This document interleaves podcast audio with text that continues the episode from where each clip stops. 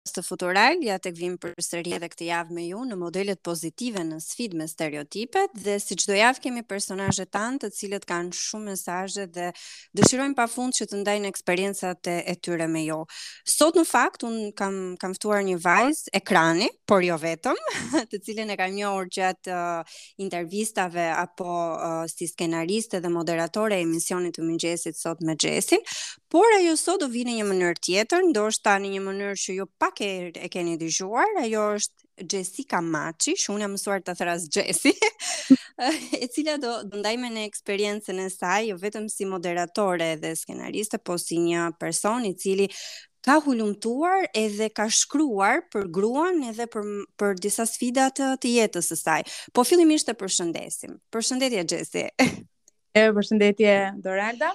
Shumë e lumtur që jam bashkë me ty sot. Të falenderoj shumë. Në fakt po bëje prezantimin, doja të komplimentoja fillimisht. Faleminderit. Në provim se jam përpara një gazetare shumë të mirë. Deri fakt ti duhet të bëje ato role të kundërta. Të nuk mund të intervistoja ty.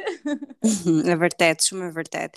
Xhesi, për ata që nuk e njohin këtë pjesën tjetër, ti je edhe autore e librit Gruaja e Hekur, të cilën e ke botuar në 2018, dhe ky roman ka mesazhe thellësisht të forta për të treguar forcën dhe karakteristikat e forta të një gruaje përballë sfidave të jetës. Pse një libër për gruan, pse një libër për sfidat? Në fakt është shumë pyetje e bukur, Doralda. Mhm. Se në qoftë se do e pyesja atë Xhesikën në 2018 kur e ka shkruar, ka qenë 18 vjeçe. Mm -hmm. Pyesja atëherë ndoshta do më jepte një përgjigje e krejt ndryshe, po do të thoja që ka qenë me të vërtetë një trampolin për gjithë vijueshmërinë time, qoftë në ekran apo dhe në angazhime të tjera profesionale dhe mendoj se ka qenë debutimi më i mirë dhe më i bukur që mund të kisha ndonjëherë. Gruaja e hekur është dhuratë për publikun, por në fakt ka qenë një dhuratë për mua personalisht, duke qenë se ka patur uh, fiks atë përshkrimin e duhur të një situate ku një grua abuzohet seksualisht dhe në fakt pas gruas së hekurt qëndrojnë besoj fatkeqësisht shumë dhe shumë gra mm -hmm jetat emocione të pakëndshme apo qoftë edhe histori të tilla të trishta. Kështu që mendoj që gruaja e hekurt ishte në një formë një mision për të tejçuar zërin e këtyre grave, të cilat fatkeqësisht kalojnë nëpër këto peripeci dhe mendoj se ishte mënyra më e mirë për të rënë në vëmendjen e atyre që po më mm -hmm. shonin apo po lexonin librin dhe një mënyrë për të reaguar dhe shoqëria, sepse Doralda, në atë periudhë ka patur raste të shumta të abuzimit seksual menjëherë pasi unë botova uh, librin. Pra ishte mm -hmm. si kështu hyjnore që ndodhin në të njëjtën kohë, por që besoj se ka kryer misionin e saj gruaj Çfarë të ka nxitur, Xhes? Domethënë, ke parë një fenomen të, të prek kjo më, forma e mosreagimit si shoqëri, pra këto stereotipet se nëse ti je abuzuar apo nëse ti shikohesh si një ikonë uh, nga aspekti seksual, atëherë ti ke bërë diçka, ti je zhveshur më tepër se ç'duhet, ti, mm. domethënë këto uh, këto stereotipet edhe këto diskriminimet që e vendosin gruan në qendër të çdo sulmi të mundshëm. Pra çfarë të nxiti ty? Çfarë çfarë ta krijoi këtë bezdinë edhe këtë këtë dëshirën për të folur për gruan e hekurt?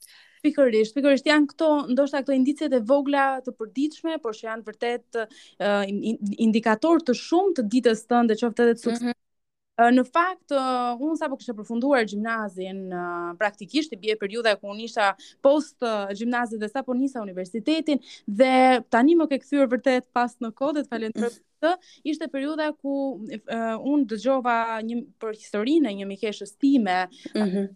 fakt i një shoshe që ne kishim në gjimnaz asokohe paralele ku ajo vrau veten për shkak të abuzimit seksual. Edhe këto dhe shumë raste të tjera që unë dëgjoja ishin vërtet një motivim për të shkruar historitë e tyre, pra për t'u bërë në njëfarë mënyre një zë për gjithë këto histori. Por janë dhe këto bezdisje që ti sapo përmende që janë këto uh, stereotipizimet, se fiks mm -hmm. stereotipizimin që i krijohet ndonjëherë figurës së gruas, duke e e mëshuar atë me me elemente që ndoshta nuk i përkasin aspak ose që ndoshta nuk e definojnë fare. Pra, unë doja të shkoja tek cilësia dhe jo tek sasia apo tek aparenca. Doja të shkoja pak më tej te shpirti i një gruaje, edhe sidomos shpirti i një gruaje të fortë, po besoj motivimin më kryesor e kam marrë nga mamaja ime dhe nga shumë mama shqiptare të cilat unë mendoj që kanë rritur fëmijë në një periudhë shumë të vështirë edhe mendoj që kanë bërë maksimumin e tyre për t'i për t'i nxjerrë ata në jetë. Në fakt unë këtu do shkoja tek familja. Është mirëpritur nga familja, uh, reagimi i një vajze 18 vjeçare më the, që mm -hmm. tenton të flasë për një temë që shpeshherë është edhe tabu, ë, se të flasësh në Shqipëri për çështje që kanë të bëjnë me abuzimin seksual apo edhe me vetë seksin, po, po. krijon një lloj uh, reagimi qoftë në mediat sociale, qoftë në familje, Pra, deri diku këto tema kanë qenë tema uh, të rrezikshme, do ta thoja në thonjëza për t'u diskutuar brenda familjes, edhe jo më pastaj për të dalë me një libër që normalisht libri është art edhe është pjesë e kulturës edhe gjithçka e pozitive. Por jo të gjithë të kuptojnë në mënyrën se si ti apo familja jote të kupton ty. Po, pikërisht, pikërisht. Un fakt njihem si një fëmijë kështu revoltues. që doja gjithmonë të të mbizotëroja të isha lidere lidere dhe sigurisht t'i, t'i hiqja këto stereotipizime që gocat nuk i bëjnë gjërat mirë për fund. Mm -hmm. Po doja tregoja gjithë kohës që mund t'ia dalin dhe në fakt nga familja uh, kam qenë ok se e kam treguar gjatë gjithë kohës dhe ata kanë qenë pak a shumë të njohur me historinë, me atë çfarë un po bëja dhe doja të publikoja dhe madje libri është sponsorizuar nga im atë, kështu që ka qenë vërtet uh, familjare për ta. Uh, mm -hmm. Ka qenë sponsorizuar një libër për gra dhe kjo është pozitive. një, një burrë që ka ndikuar shumë edhe në jetën edhe në gjithë historinë e jetës time, por realisht ajo që më ka surprizuar kanë qenë të afërmit e mi. Pra bëhet fjalë për kushurinjtë apo dhe më tej, të cilët e kanë pritur dhe e kanë lexuar të gjithë librin pa më thënë ose pa krijuar këtë pikërisht këtë që the ti, këtë habin që është një libër që flet për seksin, është një libër që përshkruan të gjithë abuzimin ose aktin e abuzimit seksual, Ndërkohë për ta, m'u duk sikur unë një 18 vjeçare isha duke i dhënë mësim, isha duke i mësuar se si funksionon një një periudhë rehabilitimi posttraumatike të një personi që sapo është uh, abuzuar seksualisht. Pra mendoj që libri im për për ta ishte si një lloj kursi mund ta quaj, një lloj mësimi i vogël për t'i treguar që këto fenomene kërkojnë sigurisht zgjidhje dhe dhe orientime më të më të thella psikologjike dhe shëndetësore. Xhes, po nëse kthehemi tek 2018-a deri sot, që jemi viti 2022, shikon ti diferenca, a shikon gjëra që po shkojnë në në anën pozitive? Pra, si e shikon ti rolin e vajzave që janë në një moshë si ti, apo ndoshta edhe atyre që janë pak më të mëdha dhe ti i ke si shembull apo formë referimi për veten? A ka ndryshuar ky realitet? A janë zbutur këto stereotipizimet, bullizimi, apo qoftë edhe drejtimi i gishtit për një grua apo për një vajzë që bën një sjellje apo veprim ndryshe nga të tjerët. Po, në fakt do thoja edhe po dhe jo, do thoja nëse krahasoj 2018-2022 absolutisht ka një përmirësim, sigurisht flas këtu për pjesën e vajzave të ekranit, po marr një shembull që kanë filluar edhe të tregojnë dhe ta pranojnë si fenomen, pra pranimi i mhm. fenomenit mm -hmm. kohën, është në një farë mënyre luftimi i tij, fillimisht pranohet dhe më pas uh, gjenden mjetet për ta, jo për ta justifikuar, por për ta zhdukur në një farë mënyre. Uh, por nga 2018-a e deri tani, sigurisht e gjej një lloj përmirësimi, e gjej tek mikeshat e mia, edhe në diskutimet që bëjmë me to, e gjej tek shumë vajza të cilat marrin iniciativa dhe uh, në grupe me njëra-tjetrën, qoftë pa mbështetje dhe pa një background tjetër, pra thjesht dëshira e tyre pa sponsorizime apo diçka tjetër mediatike, kështu që e shoh pak mirë këtë pjesë. Ajo çfarë më shqetëson Alda në fakt, është pjesa e mendësisë. Ajo është pak mm -hmm. Por mendoj se stereotipizimet që krijojnë uh, për uh, gruan shqiptare apo për vajzën shqiptare ja, apo për të renë shqiptare janë pak të ngurta dhe duan pak kohë të, të shkatërrohen. Megjithatë unë mendoj që gjithë zat shqiptare janë si ai lumi që rrjedh dhe vazhdimisht nëse do përkoj mbi një shkëmb, do vijë momenti që do e mm -hmm. edhe pak nga pak do të copëtohet uh, ky mentalitet, por kam përshtypjen që duhet uh, duhet të investojmë secili nga ne, sidomos sidomos forca mashkullore në këtë rast. Uh, unë di të them që ti je një vajzë që ja ke dalë mbanë edhe ja ke dalë mbanë shumë mirë edhe je një model shumë pozitiv edhe model frymëzimi për të rinjtë e tjerë. E them këtë sepse kur lexova CV-n tënd dhe bion, kuptova që nuk je vetëm një vajzë që shfaqesh në ekran, nuk je vetëm një vajzë që uh, flet për këto trende, te gjërat e bukura që ti reklamon, sepse ti e di që unë të ndjek. Po, por je gjithashtu dhe një vajzë e cila përveç botimit të, të këtij libri që unë nuk besoj se do të jetë i vetëm, ke bërë edhe një emision që titullohet Valixhja në televizionin Skampa, Ku ti ke dashur të promovosh talentet e, e, e, e rinj, pra shqiptar, duke stimuluar ndjekjen e sa më shumë shembujve drejt rrugës së suksesit. Pse po. kjo ide, Xhes? Çfarë ke parë ti që këta të rinj kanë patur nevojë të nxitet tek këta? Po, fillimisht doja të theksoj Alda që kjo është intervista e parë pas një viti pauzë. Sa mirë.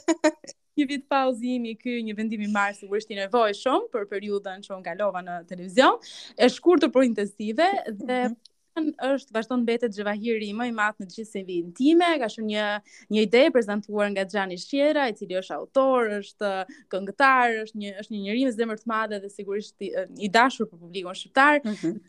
Ideja m'u prezantua dhe sigurisht un uh, thash absolutisht po, pra dua që të krijoj një emision për të rinjtë uh, ku t'i ndihmoj që ata të shprehin talentin e tyre dhe kemi bër pafund intervista dhe kemi shpërndarë në gjithë Shqipërinë, më kujtohet në Gramsh, kemi qenë gjithashtu në në Tiranë, në Durrës, mos gabohem, pra kemi mundur të prekim të paktën një një shtrirje të gjatë uh, gjeografike për të patur shembuj nga vende të ndryshme. Kishim piktor, kishim uh, në mos gabohem skulptor, Pra kemi patur nga ato talente të rinjtë, të cilët kishin nevojë për një debutim, për një zë më shumë dhe në mos gabohem ajo periudha e valixhes, pas valixhes, rastësisht edhe apo po e ndikuar, për ata ka qenë një periudhë pastaj vetëm sukses, kështu që unë jam shumë e lumtur që arrita t'i intervistoja në fillimet e tyre dhe pastaj ata ata e vazhduan këtë rrugë. Ka qenë vërtet mision. Çfarë ishte ajo gjëja që të ka mbetur në mendje? Domethënë, ju kishit një synim me këtë emision, se dua ta nxjerr tek roli i të rinjve edhe se sa të nevojshme e kanë ata që t'ju serviren modele pozitive edhe të shtyhen deri diku drejt suksesit. A ka një gjë që të ka mbetur ty në mendje nga këto rrugëtime apo nga ky rrugëtim i sapo përmendur? Po, po, patjetër, janë uh, mesazhet në rrjetet sociale, Doralda, domethënë ne kërë kërkonim të rinjtë në një farë periudhe në fillimet e emisionit, kërkonim të rinj në rrjetet sociale që t'i promovonim, pastaj e gjitha u kthye në një bumerang, ishin të rinjtë që na shkruanin, duam një sezon të dytë të valixhes, duam një sezon valixhes në mënyrë që të promovojmë punën tonë, pra aty kupton që jo vetëm që ti i kërkon në një farë mënyre të rinjtë, po të rinjtë janë aty dhe të kërkojnë ty më pas që ti t'i promovosh. Kështu që besoj kjo është ajo që më mësoi më shumë valixha, fakti që sa më shumë të kërkosh në Shqipëri për të rinj të talentuar, aq më shumë të rinj të guximshëm gjen. E vërtetë, shumë e vërtetë edhe kur e shikon pastaj se si këta të rinj ndryshojnë dhe shkojnë drejt suksesit, besoj që është një kënaqësi shumë më e madhe sesa vetë promovimi. Patjetër. Xhes, a ka një plan tëndin që lidhet me të gjitha këto vendimarrje me dëshirën për të kontribuar jo vetëm në ekran, por edhe në forma të tjera që ti sapo i përmende. Pra, diçka që të lidhet prapë me gruan edhe me vajzat, edhe të japë mesazhe pozitive edhe shpresëdhënëse për to? Po, në fakt jam duke menduar disa gjëra paralelisht dhe një ndër to është krijimi i mundësisë që këto gra apo vajza të reja që kanë dëshirë të shkruajnë, të kenë mundësinë ta bëjnë nëpërmjet meje, sigurisht në krijimin e një institucioni të caktuar. Ka qenë mm -hmm. nga ato big goals të mi, qëllimet e mëdha krijimi i një shtëpie botuese, apo shoh një një institucion apo një godinë e cila boton, uh, duke i dhënë mundësinë atyre falas sigurisht, pra një akses të lirë, free access, në mënyrë që ato të kenë mundësi t'i promovojnë. Megjithatë, unë jam aktualisht duke punuar në një klub feminist të librit, pra që është një projekt i cili është më është prezantuar nga një pedagoge Klodiana Beshku, është një nga projektet më të bukura që unë kam marrë pjesë deri më tani, sepse jep mundësi uh, të rinjve pa dallim gjinor, pra gra do dhe dhe madje pa dallim edhe të të moshës që të marrin pjesë dhe është një uh, sigurisht i mbështetur nga Ministria e Kulturës dhe është një nga ato projektet që unë po bëj, po koordinoj aktualisht rrjetet sociale dhe më pëlqen shumë sepse është fiks një nga ato mënyrat ku ti po i hap një derë uh, të gjithë të rinjve që të kenë mundësi dhe jo dhe jo vetëm të diskutojnë për tematika të ndryshme. Unë mendoj që deri tani e kam bërë dhe kam krijuar mundësi të rinjve që të kenë akses të të, të, t'u dëgjohet zëri, por besoj është mision që do vazhdojë ky, kështu që derisa të arrij këtë qëllimin final, më duhet akoma shumë punë. Edhe derisa të arrish te ky qëllimi final që unë besoj që do jetë një punë e pandalur, sepse kam besim tek ti edhe tek uh, aftësitë dhe pritshmëritë e tua, unë do doja në fakt që ti të na jepje një mesazh për të rinjtë të rejat edhe të gjithë ata njerëz që ndoshta sot kanë nevojë për një fjalë tënden si një shembull pozitiv edhe si një model që i shkel me këmbë stereotipet. Unë këtu do i thoja, do i thoja që të shkatërrojnë çdo stereotipizim që është krijuar në mendjen e tyre dhe në fakt një nga mesazhet që unë kam thënë gjithmonë dhe do doja që të rinjtë ta dëgjonin, është që të ndjekin pasionet e tyre, sepse ndonjëherë stereotipizimi që i krijohet veçanërisht gocave, por edhe djemve që duhet të ndjekin një profesion të caktuar, i kufizon ata ato nga ndjekja e pasioneve të caktuara. Do doja që ato të ndiqnin zemrën e tyre, të ndiqnin ëndrrat e tyre dhe sigurisht të ndiqnin pasionet e tyre për të bërë pastaj në fund të ditës atë gjë që e bënin me shumë pasion, që në fund të ditës kur uh, të thon isha uh, diku, mos thon isha në punë, por të thon isha duke bër uh, diçka me shumë pasion. Pra mos ta konsiderojnë punë uh, gjënë në të cilën ata do të jenë të angazhuar në vijim. Unë kështu e kam bërë gjithmonë, i kam ndjekur gjërat me shumë pasion, i kam bërë me pasion ato që kam marr, edhe besoj që të rinjtë nëse ndjekin zemrën e tyre, uh, do zhdukin çdo stereotipizim, edhe do jenë mundësi, do kenë mundësi të ndihen të lirë dhe të jenë të lirë. Xhesi, unë të falenderoj shumë për mesazhin, për kohën edhe çdo eksperiencë tënde që ti arrite ta ndash me ne dhe sidomos për faktin që pas një viti shkëputje na dhe mundësinë që t'i ndash me ne të gjitha këto këto eksperienca. Loreta, faleminderit shumë për mua ishte kënaqësi, ishte hera e parë që unë bëja një intervistë të tillë, po dua të të komplimentoj, ke marrë notën 10. faleminderit, po e ndjeja veten vërtet në testim. faleminderit. Përse sigur vazhdimisht dhe gjithmonë krijon dhe është gjithmonë në mbështetje të projekteve të bukura. Unë uroj që çdo gjë të shkojë mirë dhe me sukses edhe në projekte të tjera dhe ishte kënaqësi për mua të isha këtu në këto minuta me ju. Kënaqësia është e gjitha e jona dhe shpresoj të dëgjohemi, por edhe të shihemi në nisma të tjera të tuat. Faleminderit dëgjues të Futural, dëgjohemi përsëri javën tjetër. Dëgjues të Futural, jemi në ciklin Modelet Pozitive në Sfidë me Stereotipe dhe ditën e sotme kemi të ftuar Ervis Çotën. Përshëndetje Ervis. Përshëndetje Doralva. Uh, Ervisi është një njeri i cili angazhohet si aktivist dhe kontribuon në përmirësimin e jetës së komunitetit egjiptian dhe rom, por jo vetëm. Ndërsa prej 6 vitesh drejton organizatën Lëvizja Rinore Egjiptiane dhe Rome. Ervis, do ta ndash me ne këtë eksperiencën tënde? Patjetër, me kënaqësi. Doralva në fakt unë kam përfunduar fillimisht studimet në degën histori gjeografi dhe aktualisht po ndjek studimet në drejtësi. Në fakt unë kam usht, nuk e kam ushtruar profesionin e mësuesisë referuar studimeve të mia të përpa, mm -hmm. para, pasi që që para se të përfundoja studimet jam angazhuar si aktivist pranë organizatës Lëvizja Rinore Egjiptiane dhe Rome, duke mbështetur komunitetin që unë përfaqësoj, pra komunitetin egjiptian, por jo vetëm, në sigurimin e shërbimeve publike dhe garantimin themi të drejtave që atyre u takojnë.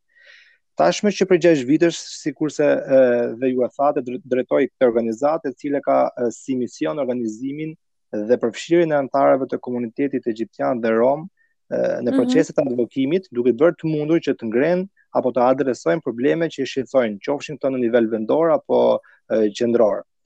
Pra gjatë Ervis, uh, ti ti je një role model, pra ti je një person i cili nëse i referohemi Ervisit, kuptojmë që është një djalë i ri, i shkolluar, uh, që ka synime për të ardhmen dhe që ndoshta shpesh herë uh, je bër pre e paragjykimeve apo e shprehjeve që ti nuk mundesh apo ti ti nuk duhet. A e ke hasur ndonjëherë ti këtë shprehje edhe uh, si të ka tingëlluar apo si e shikon ti këtë uh, nga njëra anë flasim për uh, të drejta të barabarta dhe nga ana tjetër gjejmë arsye për të përjashtuar uh, grupe të ndryshme?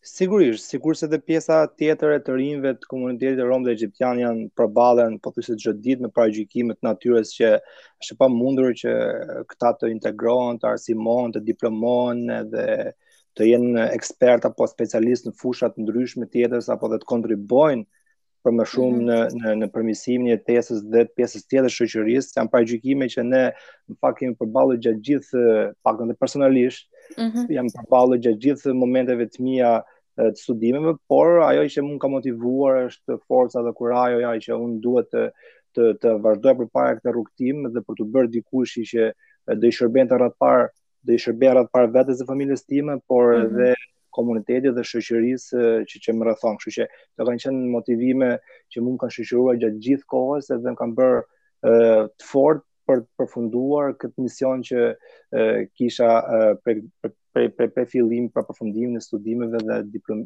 arsimimin në një fushë që nesër mund të më shërbente në në jetën time. Dhe që të ka shërbyer shumë mirë, besoj. Shpresoj se jeta është shumë dinamike fakt dhe përballesh me me, me sfida dhe me papritura që këtu doja të shkoja. Cilat kanë qenë ato sfida dhe të papritura që je hasur? në fakt përgjatë studimeve nuk është se kam patur sfida të vështira për të përballuar sa i takon arritjeve të mia në studime, por mm -hmm. do të ndaja me ju Doralda sfida që më kanë shoqëruar në momentet po themi pas pas diplomimit dhe angazhimit dhe angazhimin si aktivist pranë organizatës Lëvizja Rinore Egjiptane dhe Rome, sepse aty përballa në fakt me një realitet krejtësisht krejtësisht ndryshe, mm -hmm. duke u njohur më nga afër me problematikat që shqetësoshin, që shqetësonin anëtarët e këtyre dy minoriteteve, ndoshta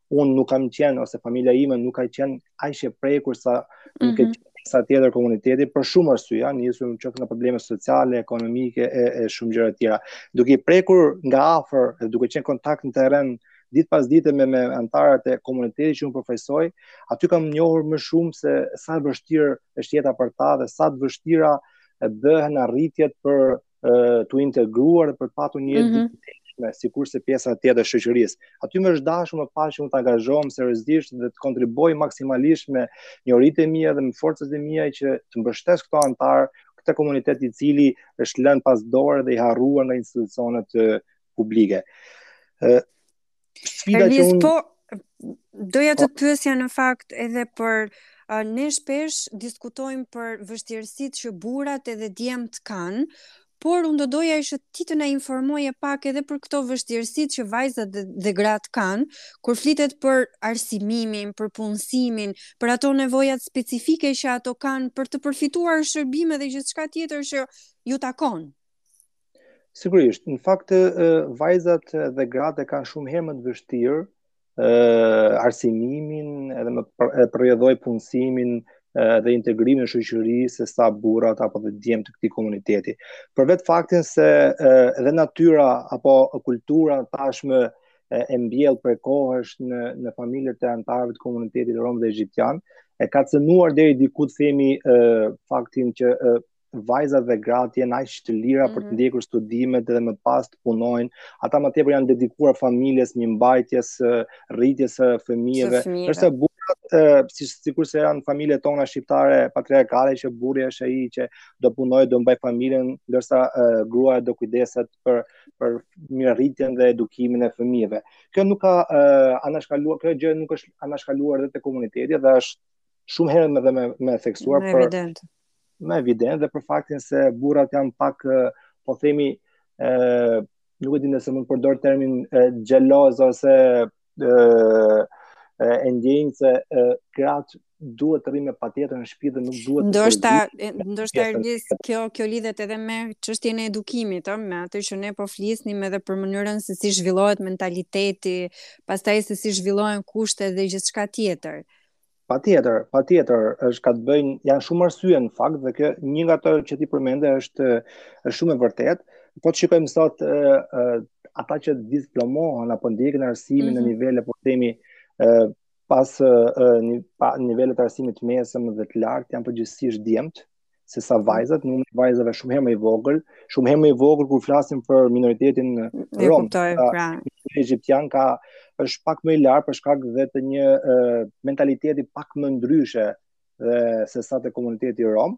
Por ajo që duhet theksuar është fakti se dhe ata të rinj dhe të reja të cilët arrijnë përfundojnë studimet e larta kanë vështirë të integrohen në punësime prej nga që të ndikojnë më pas në integrimin në shoqëri dhe ndërtimin e një jete të dinjitetshme le të themi si gjithë pjesa tjetër e të rinjve apo të rejave të shoqërisë shqiptare.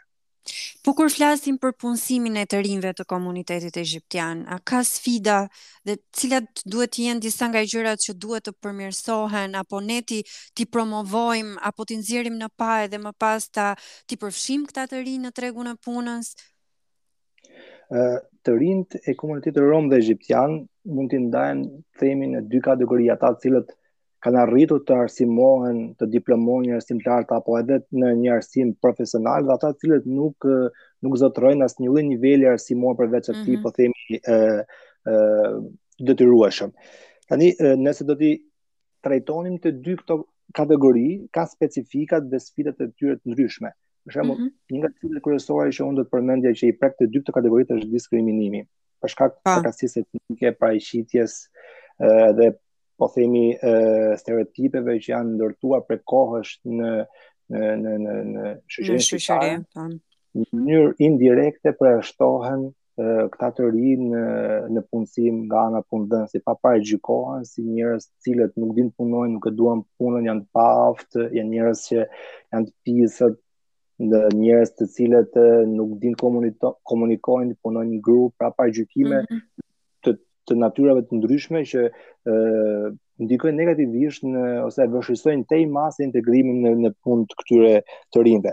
Më pas sikurse është tregu i punës që është dinamik dhe mm, për vendin patjetër zhvillim që prek sidomos sigurisht edhe pjesën tjetër të rinjve shqiptar që uh, paga është një nga uh, arsyet që uh, është në përpjesëtim përpjesëtim të zhdrejtë themi me me, me mm -hmm. kostot mesatare të jetesës dhe bën pamundur ose vështirëson integrimin në punë të anëtarëve të minoritetit rom dhe egjiptian kushtet e tjera të punës, sigurisht duke filluar që nga orari i zgjatur, kontratat, mungesa një mhm. kontratë, mm -hmm. sjellja jo korrekte shpesh herë e e punëdhënësit, ë mund të themi që A ka patur raste të të personave që janë adresuar tek organizata juaj dhe e kanë deklaruar apo në një farë mënyre janë shprehur se janë bërë pre e bullizmit apo e diskriminimit në momentin që kanë shkuar në një institucion, kanë shkuar diku për të kërkuar punë, apo qoftë edhe një shërbim bazë shëndetësor, uh, nuk e di.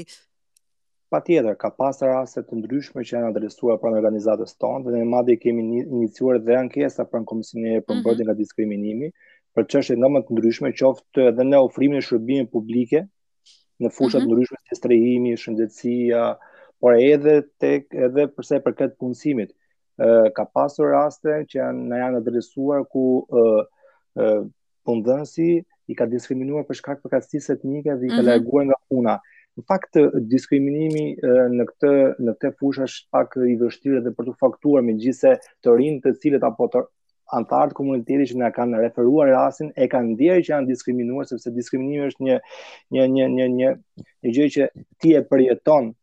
Edhe po, po, patjetër. Nuk shfaqet haptazi nga ana e atij që e e e ushtron këtë lloj sjelle diskriminuese. Mm -hmm. Dhe jo më larg se sa uh, para disa ditësh ne kemi patur një rast që është trajtuar gjerësisht në media e një subjekti rasti i zonjës po. po që kërkon të punësojë një pastruese që të jetë pa ngjyrë, pra ky është një mhm. diskriminim mm -hmm. i qartë, i hapur që afekton drejtpërdrejt anëtarët e këtyre dy minoriteteve. Kështu që diskriminimi është një fenomen i cili është i pranishëm gjithmonë në, në jetën e përditshme të anëtarëve të dy këtyre dy minoriteteve dhe është sfida më kryesore në aksesimin e, e mjaft shërbimeve që drejtpërdrejt ndikojnë në integrimin dhe në përfshirjen, po themi, në shoqërinë shqiptare. Ervis, ti je një djalë i ri që ke ke kontribuar për veten tënde dhe ia ke dalë mbanë që sot të jesh një një model shumë pozitiv për të gjithë dëgjuesit jo vetëm ata të komunitetit të cilin ti ti përkrah edhe mbështet, pra egjiptian edhe rom, por për të gjithë të rinjtë që ndoshta nuk diskriminohen apo nuk bullizohen, por që ndjejnë edhe kanë nevojë për të gjitha këto elemente që ti përmende në jetën e përditshme. Uh, unë në fakt do doja të të referoja ty si një model pozitiv dhe të ndaje me ne cilat janë ato elemente apo ato ndjesi apo ato uh, mendime që ti ke patur në kokën tënde dhe uh, në përfundim ke thënë ok, unë do ia dal mbanë sepse uh, në fakt shiko unë do të thoja do të thoja që çdo i ri apo çdo e re që aspiron të jetë dikush në jetë që të jetë dikush që të kontribuojë në në jetën e përditshme të tij dhe shoqërisë shqiptare duhet që të vendosë disa objektiva dhe të anashkalojë çdo lloj paragjykimi që ka shoqëria shqiptare për për për të apo po themi në tërësi për, për komunitetin rom e egjiptian si mm -hmm. komunitet që nuk mund të integrohet dhe ka të pamundur të, të jetojë me me shoqërinë pjesën tjetër të shoqërisë, mm -hmm. ka të mhm. pamundur të arsimohet e, e paragjykime të tilla të tjera të ngjashme. Unë do të thoja që ne do duhet që e, të vendosim objektiva siç e thashë dhe të jemi të e, vendosur që ata cil atë gjë që ne zgjedhim ta ta realizojmë të përmbushim ta ndjekim në mënyrë hap pas hapi dhe rigoroz duke përqendruar gjithë forcat tona për të arritur qëllimin për të përmbushur objektivin objektivin nëse ne do mendojmë se çfarë mendojnë të tjerët për ne mm -hmm. dhe të merremi me atë çfarë të tjerët flasin për ne, do e kemi pamundur që ne të zhvillohemi, do e kemi pamundur që ne të ecim përpara dhe të arrijmë ato qëllime që do të dëshirojmë për veten. në jetën e tij. Kështu që Po për vajzat dhe gratë, a ke ti një mesazh se do më pëlqente shumë ta dëgjoja nga një ekspert i ri, i cili flet për të drejtat e njeriut, për të drejtat e egjiptianëve dhe të romëve, po specifikisht për vajzat edhe për gratë, ato që në rastet e fundit ne kemi parë që janë ndjerë shumë të bullizuara dhe shumë të diskriminuara. A ke ti një mesazh? Ë, mesazhi që unë do përcillja për vajzat dhe gratë është që uh, ata të ndjehen të barabarta dhe të lira uh, në uh, mënyrën e të jetuarit dhe të perceptuarit të gjërave ashtu sikurse do dëshironte çdo vajzë dhe çdo grua shqiptare. Përtej mhm. paragjykimeve që mund të kenë nga shoqëria apo edhe pengesave që mund t'u vijnë nga familja për shkak të mënyrës se së të ndërtuar të jetës brenda asaj mënyrë se si janë rritur brenda familjes, të çliroheshin nga gjithë këto po themi gjëra negative dhe të mbushnin veten e tyre me gjëra pozitive të aspironin që të bënin gra të lira dhe vajza të lira, të cilat uh, mund kontribuojnë, sikurse mund kontribuojë shumë mirë një djalë apo një një burrë bur. në në familje dhe në jetën e e përditshme në shoqërinë shqiptare. Kështu që duhet të kenë uh, t'i kushtojnë më shumë vëmendje vetvetes së tyre, të largojnë çdo mendim i cili pengon zhvillimin e tyre qofshin këto paragjykime të shoqërisë perceptime apo ndërtimi i i i i stereotipeve të ndryshme që ndoshta edhe kanë ekzistuar për kohë, kështu që ata duhet të ndihen të lira dhe duhet të vazhdojnë përpara për ndërtuar një familje të shëndoshë që këtë e, model pozitiv të vetes së tyre mm -hmm. të mhm. trashëgojnë dhe tek fëmijët e tyre qofshin këto vajza apo qofshin këta djem. Ervis, unë të falenderoj shumë edhe ky mesazh i jot i fundit ishte një mbyllje shumë e bukur dhe një mesazh që do na frymëzojë të gjithëve, jo vetëm vajzat dhe gratë e komunitetit rom dhe egjiptian. Unë të falenderoj shumë që u bëre pjesë e sesionit tonë të podcasteve dhe shpresoj që herën tjetër kur të flasim, të gjitha këto sfida t'i kemi uh, zgjidhje edhe rrugë të hapura për të gjithë së bashku. Shumë faleminderit Duralda dhe unë shpresoj që ne e, të sa herë të flasim, flasim për gjëra të bukura dhe gjëra të mira, gjëra që përmirësohen dita ditës. Falenderoj. Gjithë mirat.